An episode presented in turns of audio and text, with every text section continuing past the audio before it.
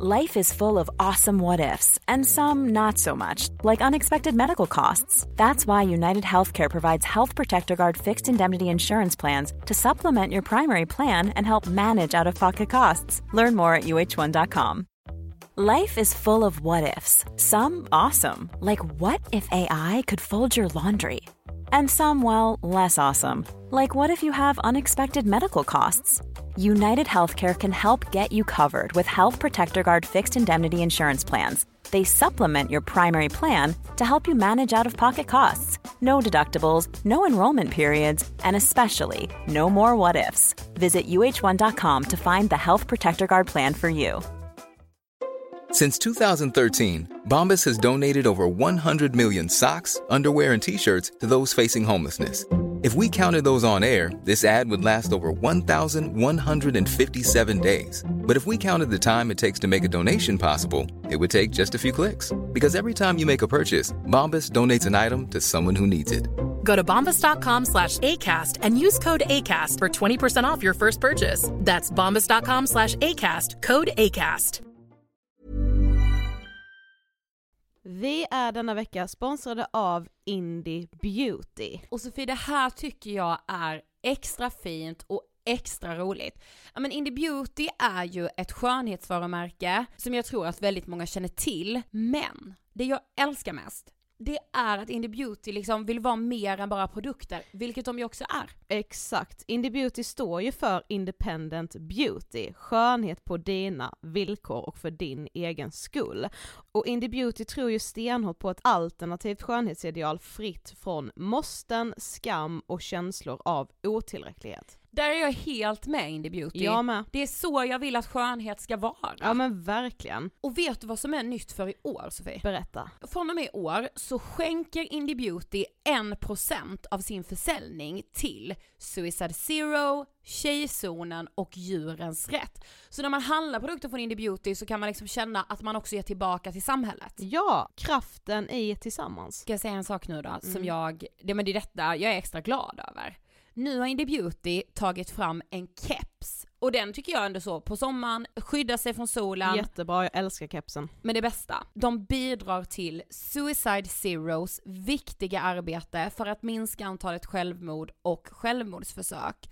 Så, för varje såld keps så går hela vinsten, 100 kronor, direkt till Suicide Zero. Då kan man liksom göra nytta både för samhället och sin hud på en och samma gång. Ja, och kepsen kostar 169 men alltså hela vinsten går då som sagt till Suicide Zero. Mm. Så om man vill göra skillnad när man är där ute i solen, nu när den börjar titta fram, då ska man välja den här kepsen. Den säljs exklusivt på indiebeauty.se och på Apotea. Tillsammans kan vi skapa en ljusare framtid. Vi ses med kepsarna på! Tack Indie Beauty! Ja, Aldrig tidigare har unga människor lidit av psykisk ohälsa i så stor utsträckning som idag. Arbetslösheten hos unga är stor och kraven ifrån skolan upplevs som väldigt höga. Unga människor vittnar om att de inte tas på allvar när de väljer att söka vård för sin psykiska ohälsa. Och en rapport från Akademikerförbundet SSR visar att kuratorer inte har tid att träffa alla elever. Idag har vi bjudit in ordförandena ifrån Sveriges största ungdomsförbund, Moderata ungdomsförbundet och Sveriges socialdemokratiska ungdomsförbund. Hjärtligt välkomna till Ångestpodden och hela Sveriges första debatt med fokus psykisk ohälsa.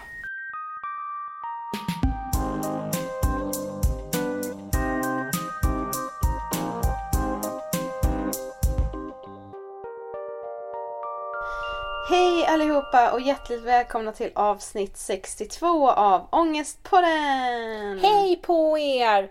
Alltså, nu kanske ni sitter här och tänker att eh, lyssnar jag på Ångestpodden eller är detta Agenda? Ja, ni ska faktiskt vara hjärtligt välkomna till det här historiska ögonblicket. Det är helt sjukt. Alltså, jag trodde ju aldrig jag skulle skriva historia på det här sättet genom Ångestpodden. Alltså jag har haft det lite på känn faktiskt om jag ska vara ärlig. ja men det är verkligen helt fantastiskt. Kan mm. ni förstå att ni lyssnar just nu på Sveriges första debatt med utgångspunkt psykisk ohälsa. Exakt. Och med oss idag har vi alltså som sagt Moderata ungdomsförbundet och Sveriges socialdemokratiska ungdomsförbund. Precis, och från MUF har vi Rasmus Törnblom mm. och från SSU har vi Filip Botström. Mm. Vi hoppas att ni ska kunna hålla koll på vem som är vem av dem, men för att det ska vara lite enklare så har vi ju filmat den här debatten. Ja, det är en liten specialare idag hörni, så idag finns podden i filmformat eller i videoformat och det är så kul för det är så många på senaste tiden som har velat att vi ska filma våra poddavsnitt. Mm. Så idag har vi gjort det! Mm, exakt. Och dessutom så kommer inte hela debatten vara med i det här poddavsnittet. Så vill ni se hela så sök på Ångestpodden Debatt på Youtube. Eller gå in på vår Youtube-kanal som heter Inget Filter. Och så kan ni även hitta den på vår Facebook-sida Inget Filter. Exakt, Inget Filter är vårt företag men det vet ni säkert vid det här laget. Eh, innan vi sätter igång så vill jag bara alltså det största av tack till Rasmus och Filip mm. som ställde upp och var med och skrev historia med oss. Alltså jag tycker det är så coolt. Jag vill säga skrev historia typ tusen gånger. Mm. Det är så. Jag tycker faktiskt att vi kör. Vi rullar debatten mellan MUF och SSU i frågan psykisk ohälsa bland unga. Varsågoda! Stort tack och hjärtligt välkomna säger vi då till Filip och Rasmus till Ångestpodden och den här första debatten om psykisk ohälsa. Det känns verkligen som att vi skriver historia här ja, idag faktiskt. tycker jag.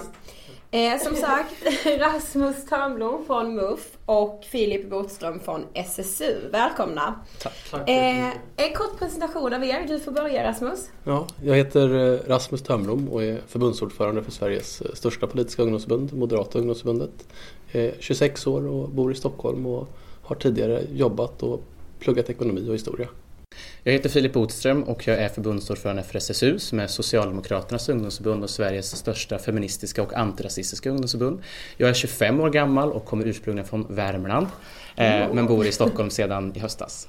Yes. Eh, vi tänkte börja med en lite tråkig sak faktiskt. Och ja, värre än så här blir det nog inte idag. Eh, vi har ju finkammat både MUFs och SSUs hemsida innan ni kom hit. Eh, och vi har inte hittat en enda flik om psykisk ohälsa på någon av era hemsidor trots att ja, det är ett av de största problemen bland unga människor. Hur kommer det sig egentligen? Ja, det är väldigt märkligt för att eh, just unga psykisk ohälsa är en av de frågor som ligger till grund för SSUs utbildningspolitik faktiskt. Vi har i flera år faktiskt drivit frågan om att man både ska se till att satsa mer pengar på psykiatrin, ungdomspsykiatrin, elevhälsan inte minst, men också se till att man kompletterar de idag fysiska hälsokontroller som finns inom skolan med psykiska hälsokontroller just för att se till att eh, det blir mer vanligt att prata överhuvudtaget om den psykiska ohälsan. Så att eh, efter det här poddavsnittet får jag väl gå, gå hem och uppdatera hemsidan helt enkelt. Åh, oh, det låter jättebra. Mm. Vi har ju medvetet egentligen valt att vara lite selektiva vilka frågor vi väljer att lyfta fram på hemsidan där vi framförallt har valt till exempel frågor om jobb, frågor om eh, jämställdhet, frågor om integration och migrationsfrågor som just nu och bostadspolitik inte minst, frågor som just nu är, är, viktiga för unga. Eh, det innebär inte att vi inte har en politik för psykisk ohälsa eller till exempel försvaret som jag till exempel inte tror att vi har med heller på hemsidan. Men jag tror att många muffare skulle känna att det kanske var en viktig fråga. Mm. Eh, men vi har många beslut, jag kan konstatera att vi har ju två stycken sidoorganisationer, Moderata studenter och Moderat skolungdom som eh, båda två har jobbat väldigt mycket med, med psykisk ohälsa. Och om man hör oss till Moderata ungdomsförbundet så kan man få alla svar som man vill ha. Eh, rapporter visar ju att eh, en av de största anledningarna idag till sjukskrivningar beror på någon form av psykisk ohälsa. Men i dagens samhälle så växer den psykiska ohälsan främst bland unga människor och många av dem har inte ens kommit ut i arbetslivet ännu. Eh, vad tycker ni framförallt behöver göras för att minska den psykiska ohälsan bland unga? Om vi börjar med MUF. Samtidigt som det på många sätt tror jag är väldigt lätt att vara ung idag.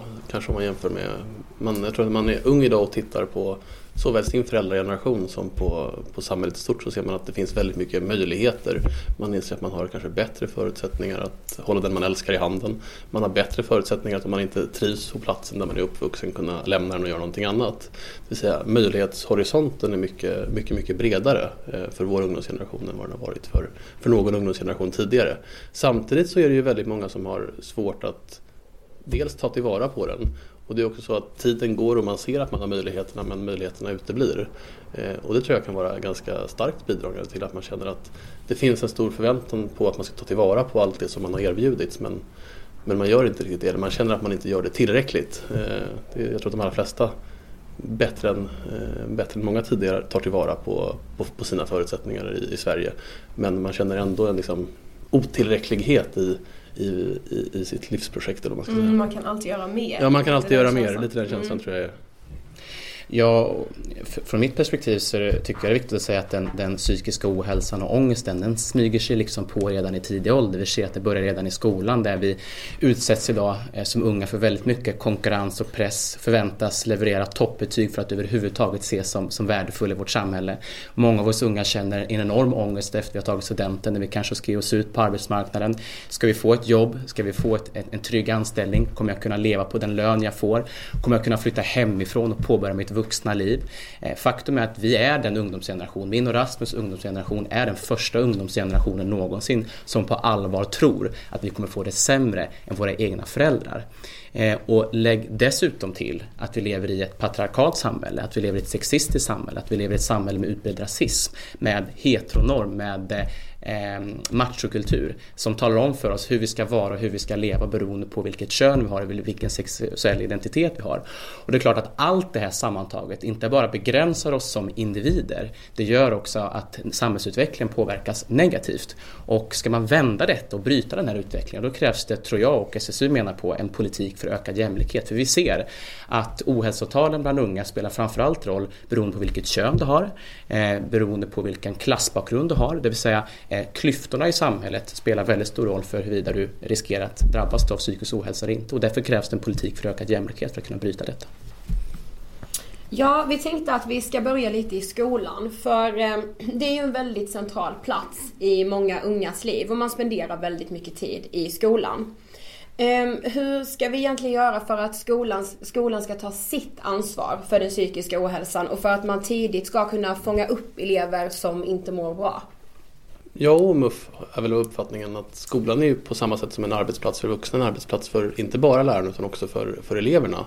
Och på en arbetsplats när personer mår dåligt så finns det ganska tydliga liksom, fun eh, funktioner kring hur man, ska, hur man ska agera. Men skolan har lite grann varit ett, ibland på sina håll ett eh, svart hål i hur, i hur, i hur man hanterar det. Framförallt så det, ser det väldigt olika ut runt om i Sverige. Eh, här tror jag man måste bli mycket bättre på ett antal områden. Dels så tror jag man måste bli Eh, vara tydlig med att alla, eh, alla som går i skolan i Sverige eh, och mår dåligt ska kunna få, få snabb hjälp. Jag tycker man borde ha en 24 timmars garanti för alla och att man ska kunna slå, slå larm i skolan och säga att hej, jag, jag mår inte bra. Och då ska man också, det ska också tas på allvar och man ska, ska kunna få kontakt inom 24 timmar. En annan sak som, det är klart att det, det är en ganska hög tröskel för många tror jag att känna att säga att eh, jag mår inte bra. Eh, tyvärr. Och det, där jobbar ju eran podd väldigt förebyggande för att fler ska våga säga att jag mår inte bra. Men det kan ju också vara något sånt något som att man, man, man, man känner i sig att det inte, inte går så bra men man, man ger inte uttryck för det. Och här tror jag man skulle kunna göra en hel del saker mer med, med skolans hälsosamtal. Jag tycker till exempel att man borde dubblera antalet hälsosamtal. Idag har man fyra hälsosamtal på, på 12 år om man går gymnasiet. Och det innebär att man har ungefär ett hälsosamtal per skola och man byter skola efter lågstadiet, sen efter mellanstadiet, sen efter högstadiet, sen efter gymnasiet. Och då finns det ju ingen kontinuitet utan då är det mer att, man, att skolorna skickar papper mellan varandra. Eh, så där borde man tycker jag dubblera antalet hälsosamtal så att det på varje skola också är så att man först kommer och säger hej här är jag men att det sen följs upp av hur, hur, hur mår du egentligen eller hur, hur går det? Jag tror också vi från politiskt håll måste erkänna att Eh, den psykiska ohälsan och pressen och stressen har ökat dramatiskt de senaste åren. Och många menar att det beror på liksom major Björklunds skolpolitik. Men man kan väl åtminstone konstatera att väldigt många unga känner enorm stress när det kommer till läxor, när det kommer till prov, när det kommer till eh, schemaläggningen av lektionerna. Här tror jag att elevinflytandet behöver kraftigt öka för att man ska få bättre möjlighet att se till att få en, en hållbar eh, arbetssituation i skolan. För det är klart att skolan är ju också unga människors arbetsplats. Eh, sen så är det som jag sa också viktigt att fokusera på elevhälsan Sanna. Där är jag glad av att vi idag har en, en socialdemokratiskt ledd regering som satsar extra mycket just på elevhälsan. 280 miljoner kronor redan i år, totalt sett över en miljard om man också adderar fokus på ungdomspsykiatrin och psykiatrin i stort. Så det är såklart viktigt. Men jag tror också att om man fokuserar på skolan så ska man också komplettera de här eh, hälsosamtalen som idag tar fokus på vår fysiska hälsa med just samtal om vår psykiska hälsa. Dels för att få en bättre kontinuitet och få en naturlig miljö att prata just om hur man mår. För jag tror att ett stort problem idag är att vi pratar alldeles för lite om vår psykiska ohälsa. Man ses som, som svag eh, och brännmärkt redan från start. Man pratar om att man mår dåligt och det här måste vi såklart ändra på.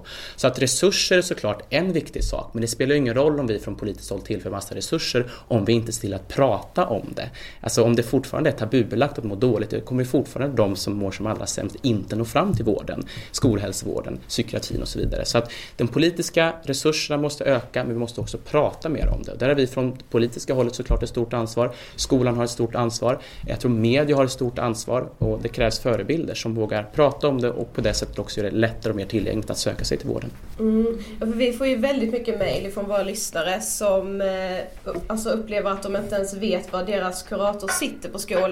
Och på många skolor har vi även märkt när vi har kollat upp eh, på många skolor så finns bara kuratorn på plats en till två gånger i veckan och då kanske mellan fyra timmar mitt på dagen när många ju faktiskt har lektioner.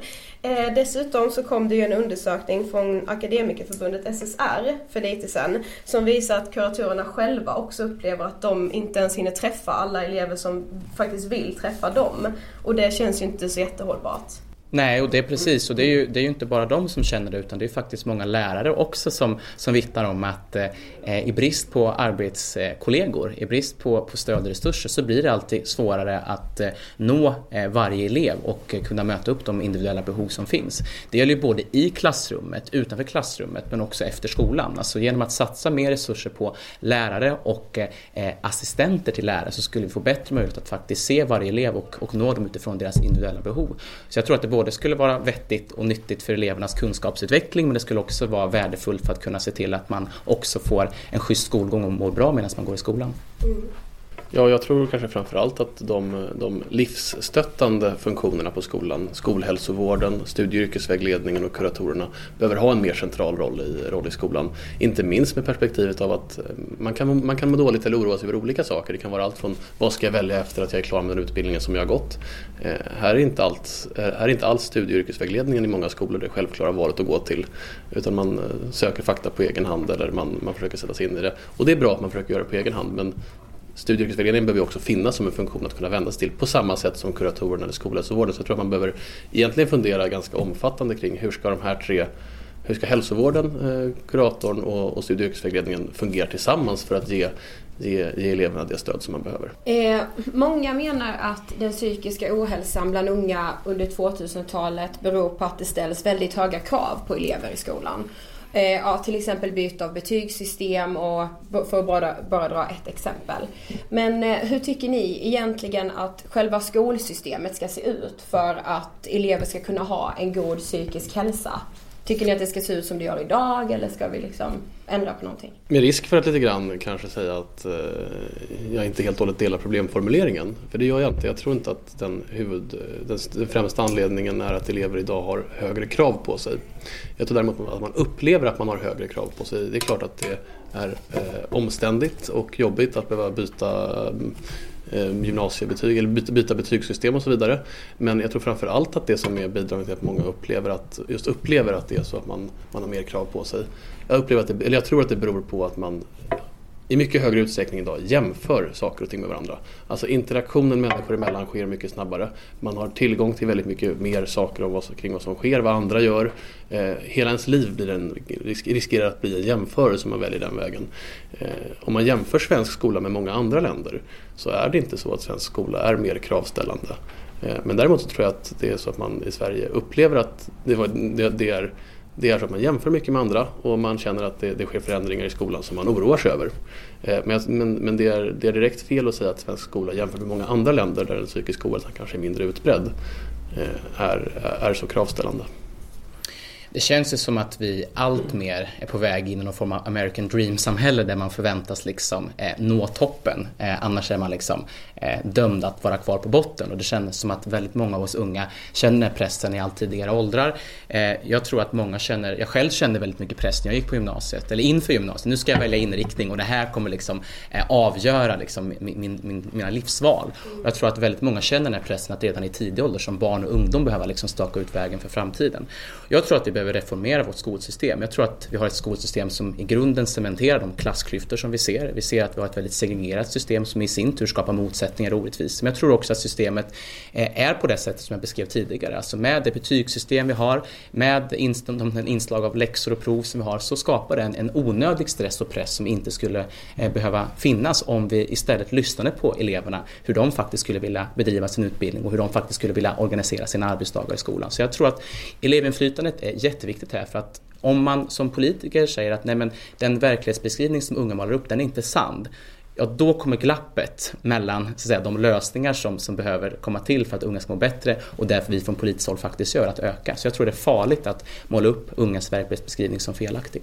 Mm. Jag tror snarare tvärtom att det är livsfarligt att försöka blåsa upp problem på ett sätt för att presentera sina politiska djupt ideologiserade lösningar om att man ska avskaffa det fria skolvalet. Det är liksom det One size fits all seemed like a good idea for clothes. Nice dress. Uh, it's a it's a t-shirt. Until you tried it on. Same goes for your healthcare. That's why United Healthcare offers a variety of flexible, budget friendly coverage for medical, vision, dental, and more. So, whether you're between jobs, coming off a parent's plan, or even missed open enrollment, you can find the plan that fits you best. Find out more about United Healthcare coverage at uh1.com. That's uh1.com. Hiring for your small business? If you're not looking for professionals on LinkedIn, you're looking in the wrong place. That's like looking for your car keys in a fish tank.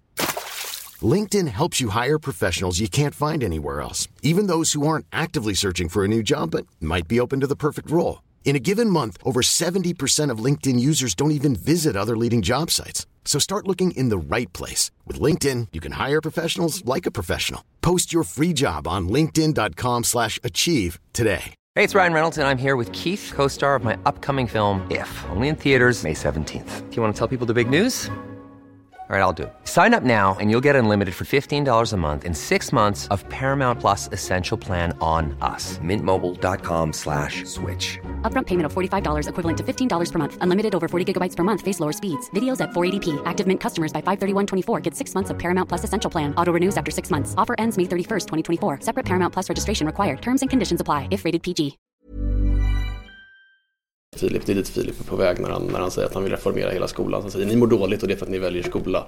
Det är liksom det som är den långt gångna slutsatsen om detta. Jag tror snarare att det är så att man måste sortera upp problemen. Man måste beskriva, det är uppenbart så att ja, skolan skapar press. Men det är också väldigt mycket annat som skapar press. Här tror jag snarare tvärtom att man behöver, man behöver se till att de sakerna i skolan som skapar press, man behöver avdramatisera dem. Man behöver inte göra som Filip och dramatisera dem mer. Eh, jag tycker att man borde ha betyg från tidigare ålder men man borde avdramatisera betygen och säga att det här är inte det viktigaste för dig när du går i fyran eller femman eller sexan. Det kan vara viktigt för dig när du ska göra ditt val gymnasie i nian. Och det är det redan idag. Eh, så att man måste avdramatisera och låta människor vänja sig vid att en naturlig del i en skola är att man får ett betyg. På samma sätt som att det i arbetslivet finns andra typer av inslag som är naturliga att möta.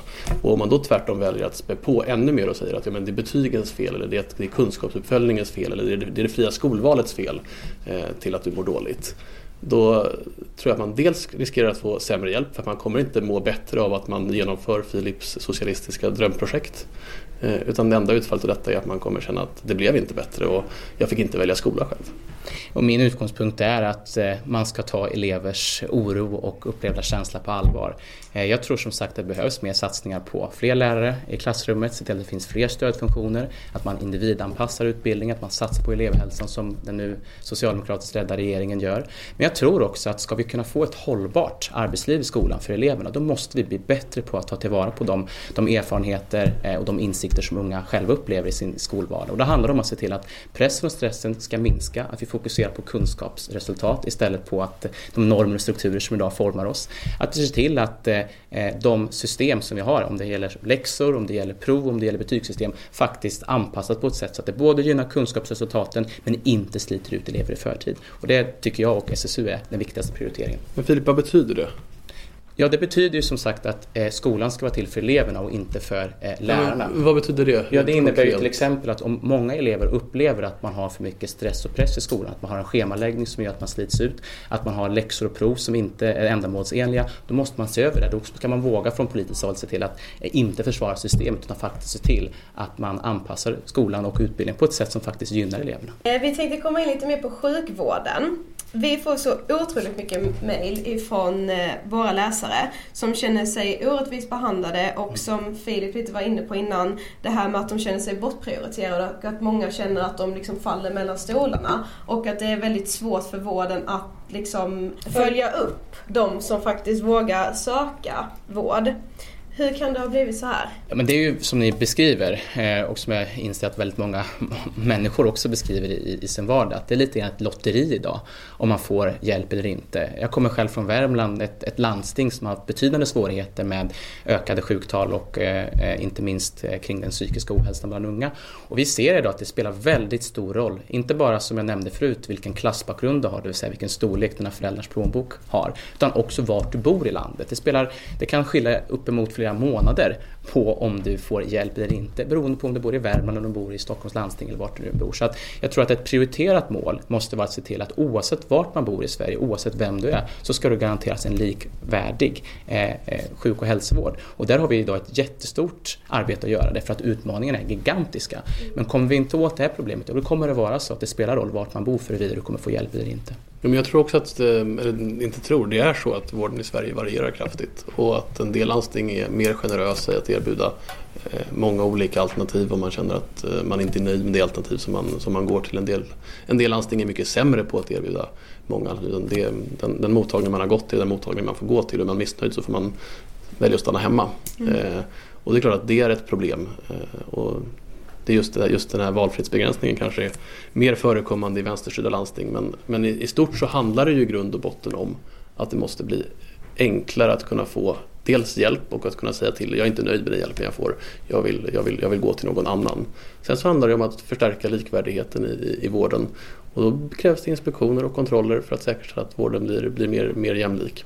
Men faktum är att det var ju den borgerliga regeringen som införde en vårdvards, eller vårdvardsreform som eh, i och för sig då minskade köerna men som också har fått väldigt mycket kritik, inte minst från Riksrevisionen därför att det också ökade just den här skillnaden av tillgänglighet som jag pratade om. Det vill säga vi har sett uppkomsten av nya vårdcentraler har ploppat upp här i Stockholm och i storstadsregionen men där jag kommer ifrån, från landsbygden, har de faktiskt tvärtom dränerats. Så det har ju varit en reform som inte har bidragit bidragit till att tillgängligheten har ökat. Och man har också haft svårt att se till att eh, hålla på viktiga rättsprinciper. Och vi ser dessutom att den typen av reform har gjort att de människor som kanske har lättare åkommor har premierats framför de unga människor som kanske haft allvarliga problem och kanske, kanske hade behövt hjälpen som mest.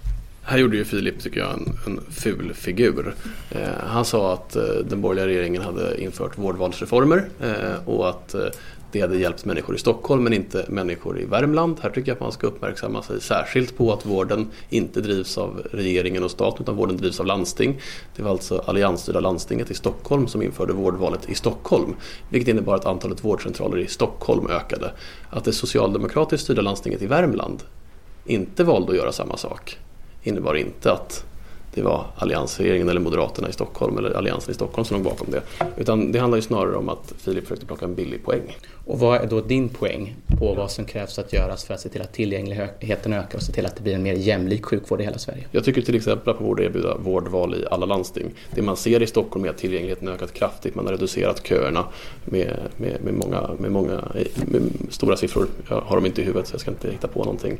Men köerna har reducerats kraftigt eh, och det innebär ju framför allt att tillgängligheten har ökat. Det vill säga behöver man vård så får man också vård snabbare än vad man fick tidigare. Men hur ser du och MUF på Riksrevisionens kritik att det framförallt är människor med lättare åkommor som premieras i det här nya systemet till förmån för de unga människor som kanske har som allra störst behov att faktiskt få hjälp? Ja, det är givetvis så att om man behöver hjälp så ska man få hjälp och om det finns någon relevant kritikpunkt så får man ju anpassa sig efter denna. Ja, det är en ganska relevant kritik ja, men skulle jag vilja säga. Ja, på tal om eh, väntetider och långa köer. Eh, har ni i SSU något annat förslag på hur man kan förminska dem. För det får vi också extremt mycket mail ifrån. För att bara dra ett, exempel så var det en eh, mamma vars dotter hade depression och då ringde hon till psykakuten och hon på psykakuten sa till mamman att hon skulle låta hennes dotter framkalla en panikångestattack för att hon på det sättet enklare skulle få vård snabbare. Och det känns inte heller så jättehållbart. Eh, Finns det något an, någon annan lösning på det här problemet och hur gör man liksom för att prioritera psykiatrin? För den känns extremt bortprioriterad. När man snackar om mm. vården så snackar man liksom om vården i allmänhet men just psykiatrin känns så himla bortprioriterad. Mm. Mm. Hur kan man göra för att prioritera den bättre? Men det är ju så att vården i största allmänhet behöver mer resurser och särskilt psykiatrin och det är ett gigantiskt problem som vi politiker har att hantera därför att vi ser att både vården och psykiatrin kommer att behöva mer resurser de kommande åren. Nu har vi en regering som satsar mer pengar, inte minst på psykiatrin och ungdomspsykiatrin. Men det kommer att behövas gigantiska tillskott de kommande åren för att vi ska kunna se till att upprätthålla den kvalitet vi har idag, men också som uppenbarligen behovet är, eh, att vi ska kunna se till att öka kvaliteten. Och då krävs det mer resurser, man kommer inte ifrån det. Och då spelar ju politiken väldigt stor roll. Antingen så kan man ju välja att föra en politik som leder till hög arbetslöshet och eh, eh dränera välfärden eh, på resurser genom att sänka skatterna. Eller så för man en politik som leder till att fler människor kommer i arbete som gör att fler människor kan vara med och bidra till vår gemensamma välfärd. Och eh, också se över skattesystemet. För jag tror att vi kommer behöva ta in mer gemensamma skatter för att ha råd att finansiera viktiga satsningar, inte minst på vården och ungdomspsykiatrin exempelvis. Jag tror att man behöver fundera på hur dels tillgängligheten fungerar men också hur, hur man liksom prioriterar psykiatrin. Eh, där finns det en hel del saker som behöver göras. Man behöver se till att, tror jag, att tillgängligheten ökar. Jag tror att för just mota, mota ungdoms, eh, den psykiska ohälsan bland unga så tror jag att man behöver jobba mycket mer aktivt med skolorna. Man borde i hela Sverige erbjuda en snabbare garanti till att kunna få en första kontakt med, med, med psykiatrin. Eh, och då skulle man också kunna lotsas rätt från första början utan att själv på egen hand springa runt och fundera på vart ska jag ta vägen. Mm. Nej, men jag tror också precis som Rasmus där, det delar vi uppfattning, både SSU och MUF, att jag tror att vi behöver ett mer sammanhållet system. Återigen som jag pratade om förut, vi kan inte tillåta att människor faller mellan stolarna. Men man kan heller inte blunda för att det här är ett resursproblematik. Alltså väldigt många människor som jobbar inom vården, jobbar inom psykiatrin vittnar om detta. Att man, man, man hinner inte med. Man skulle vilja hjälpa till, man skulle vilja ge mer stöd, man skulle vilja få följa upp på ett bättre sätt. Men man har inte de praktiska möjligheterna idag eftersom att resurserna inte räcker till. Och menar man allvar med att vi ska vända den här utvecklingen, ja då måste man från politiskt håll se till att tillföra tillräckligt med resurser så att man faktiskt kan, kan utföra det jobb som man, man är satt att göra.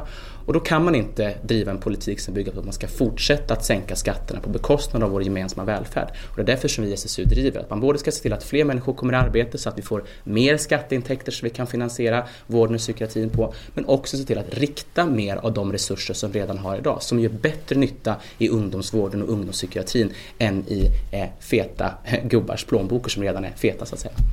Ja, i vissa landsting så finns det ingen barnpsykiatrisk slutenvård och det här tycker vi verkligen är ett stort problem.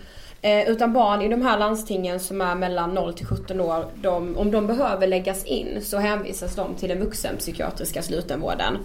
Eh, borde inte det vara någonting som verkligen prioriteras? Jag är inte, eh, jag är inte jätteinsatt i hur, hur barn och ungdomspsykiatrin fungerar men jag tycker att det låter fullt rimligt. Mm. Det är klart att man inte ska säga till någon som är Fem, år, ja, liksom. 15 tänkte jag säga men man kan ja. givetvis vara 8 också. Ja, att man ska läggas in på samma avdelning som personer som kanske, och kanske troligare, oftare haft en, dels absolut äldre men oftare haft en längre problematik av psykisk ohälsa. Mm. Det är sällan första gången man, eh, det, tyvärr kanske man ska säga, jag vet inte, men det är inte så många som drabbas av psykisk ohälsa sent, sent eller plötsligt i livet. Det är snarare något som har hängt med en lång tid. Mm. Eh, och det är klart att det är för en själv förstörande. Mm. Nej, och det här, det här spär ju på den tabu och den stigmatisering som vi redan ser. Alltså, om man som ung människa eh, ska eh, känna sig liksom, nästan som, jag vet inte, en utomjording och tvingas liksom, eh, ligga på samma ställe som många som är mycket äldre, det är klart att då ökar ju också tröskeln för att faktiskt söka sig till, till vården. Och ska vi se till som sagt att vi får fler unga som mår dåligt att söka sig till vården och söka hjälp, ja då måste vi se till att det blir mer, eh, ja, men mindre kontroversiellt, det blir lättare att trösklarna minskar och då tror jag att man behöver ha ett särskilt ungdomsfokus när man utformar vården. Nu får ni två minuter var till några avslutande ord på hur ni vill göra för att förbättra den psykiska hälsan hos unga? Om vi börjar med Rasmus. Ska jag börja? Yes. Jag tror att man i skolan behöver jobba mycket mer sammanhållande med att dels avdramatisera en hel del inslag som finns i skolan. Jag tycker inte att betyg borde vara så, så, så läskigt förutom när betygen kanske gäller. Och det är de redan idag, det vill säga i årskurs 9 eller när man ska, ska gå ut gymnasiet. Jag tycker också att man behöver koppla samman mer av de funktionerna som finns i skolan. Studie och yrkesvägledningen, eh, stu, eh, elevhälsan. Elev, och elevhälsan eh, och, och så. Eh, dessutom så behöver man se till att den svenska arbetsmarknaden fungerar väldigt mycket bättre. Det vill säga att det blir enklare att kunna komma in på ett första jobb, det är enklare att kunna få tag på en bostad. Eh, allt detta hänger väldigt mycket ihop och då krävs det att man gör dels reformer som pressar ner kostnaderna för att anställa. Dels att man ser till att det blir mer lönsamt för unga som kommer ut i arbetslivet att faktiskt börja jobba så att man snabbare kan få råd med första hyran, kunna uppfylla vardagsdrömmar, kunna ta ett körkort eller göra en resa med kompisarna. Sånt som man borde kunna göra eh, men som för väldigt många tyvärr blir allt för, blir allt för, för främmande. Mm. Nej, vi ser som sagt att eh, om du är kvinna, om du är lågutbildad, om du är hbtq-person, ja då ökar också riskerna för att du ska drabbas för psykisk ohälsa. Vi kan alltså konstatera att den psykiska ohälsan i Sverige är en, en jämlikhetsfråga, det vill säga att det spelar helt enkelt roll vilken klassbakgrund du har. Och ska man se till att bryta detta, då måste man föra en politik för ökad jämlikhet. Eh, SSU menar på att det krävs extra satsningar på elevhälsan. Nu har vi en socialdemokratiskt ledd regering som satsar över 280 miljoner extra redan i år på elevhälsan, men vi tror att det krävs mer. Vi tror att det krävs att man kompletterar de fysiska eh, hälsokontroller som man har idag med, med kontroller där man också diskuterar den, den eh, psykiska hälsan. För att minska stigmatiseringen, för att minska trösklarna för att söka hjälp om man mår psykiskt dåligt. Men i övrigt så tror jag också att det behövs just en, en politik för, som gör att fler människor lyckas i skolan. Alltså en politik där, där det inte idag ska spela någon roll om du bor i Rinkeby eller om du bor i Stockholms innerstad. Utan det ska faktiskt vara så att går du i skolan då ska du vara garanterad en likvärdig utbildning. Vi ska också se till att alla unga människor kommer i arbete men också garanteras trygga jobb med lön man kan leva på för att se till att man också kan planera för framtiden. Och vi ska såklart se till att alla unga kan påbörja sitt vuxna liv genom att få en bostad man kan flytta till. Om de här sakerna hänger ihop, om vi får en politik som är kraftfull och som gör, gör att männa, unga människor känner framtidshopp, ja, då hoppas och tror jag att allt fler människor både skulle kunna känna eh, ja, tilltro och eh, självsäkerhet på att det faktiskt, eh, man faktiskt kommer klara eh, framtiden. Och jag tror att det är det som det egentligen handlar om. Vi ska se till att skapa framtidstro hos fler unga människor. Eh, till sist så ska ni få en fråga som alla i Ångestpodden får. Eh, vad inspirerar er? Du får börja Filip. Ja men det är samhällsorättvisorna. Det kanske låter konstigt men jag blir jävligt förbannad när jag får höra ny statistik på hur unga kvinnor inte minst mår allt sämre i skolan. Jag blir förbannad när jag får höra att det spelar roll vilken tunnelbanestation man bor på för huruvida man ska lyckas i skolan eller inte. Jag blir förbannad när jag ser att de rika blir allt rikare på bekostnad av oss unga som förväntas bli fattigare för att komma in på arbetsmarknaden. Eh, allt det här både inspirerar och triggar mig att fortsätta med mitt politiska engagemang. Modiga människor inspirerar mig. Jag tycker att det är fascinerande och väldigt, liksom, man blir glad och eh, fylld av en vilja att liksom, inspireras när man ser människor som vågar göra sånt som inte har gjorts tidigare. När man ser människor som vågar utmana normer och strukturer. När man ser människor som tänker nytt och liksom lyfter både sig själva och ofta sin omgivning till, till nya nivåer. Mm, tack så jättemycket för att ni ville gästa Ångestpodden. Tack, tack så jättemycket. Ja, stort tack alltså till MUF och SSU som gjorde den här debatten möjlig. Wow alltså. Mm. Jag tycker det är så coolt. Yes. Som sagt, hela debatten finns på Youtube, så sök på Ångestpodden debatt. Exakt, och glöm inte gå in på vår Instagram och rösta på vilken som ni faktiskt tyckte vann den här debatten. Mm. Det ska bli sjukt intressant att se. Ja, faktiskt. Eh, Okej, okay, veckans hiss. Ja, vi avslutar med veckans hiss. Jag mm. älskar det här. Så vi. Ja. Alltså att vi har veckans hiss är helt underbart. Yes, jag börjar. Okej. Okay. Eh, jag skulle vilja hissa Elaine Eksvärd för ja. hennes eh, nyskrivna bok Medan han lever som handlar om när hon blev sexuellt utnyttjad som eh, barn. Eh, och jag tyckte det var väldigt intressant att den blev så uppmärksammad med tanke på att bara några veckor tidigare så släppte ju vi vår serie om sex. Mm. Eh, och jag vill bara tipsa alla som ännu inte har lyssnat på den serien att göra det. Vi måste prata om sex alltså. För jag är så stolt över den. Mm. Men hissen var Elaine Eksvärds bok. Ja. Toppen. Sjukt att jag också har en bok som veckans hiss. Fast jag har inte en bok utan jag har ett helt citat från en bok. Mm -hmm. Nämligen Ann Heberleins bok Jag vill inte dö, jag vill bara inte leva. Och här kommer citatet. Ångest, depressioner, psykoser, manodepressivitet är alla sjukdomar med hög dödlighet. Det handlar om liv och död. Det är på allvar. Lika allvarligt som cancer, som hiv, som somatiska sjukdomar. Psykiska sjukdomar är lika verkliga för den som lider. Jag behöver inte förståelse. Jag vill inte bli accepterad. Jag vill inte ha en egen prideparad. Jag vill absolut inte vara medlem i någon stödförening för galningar. Jag vill bara ha rätt till samma vård som andra som lider av livshotande tillstånd. Bara det. Bara det.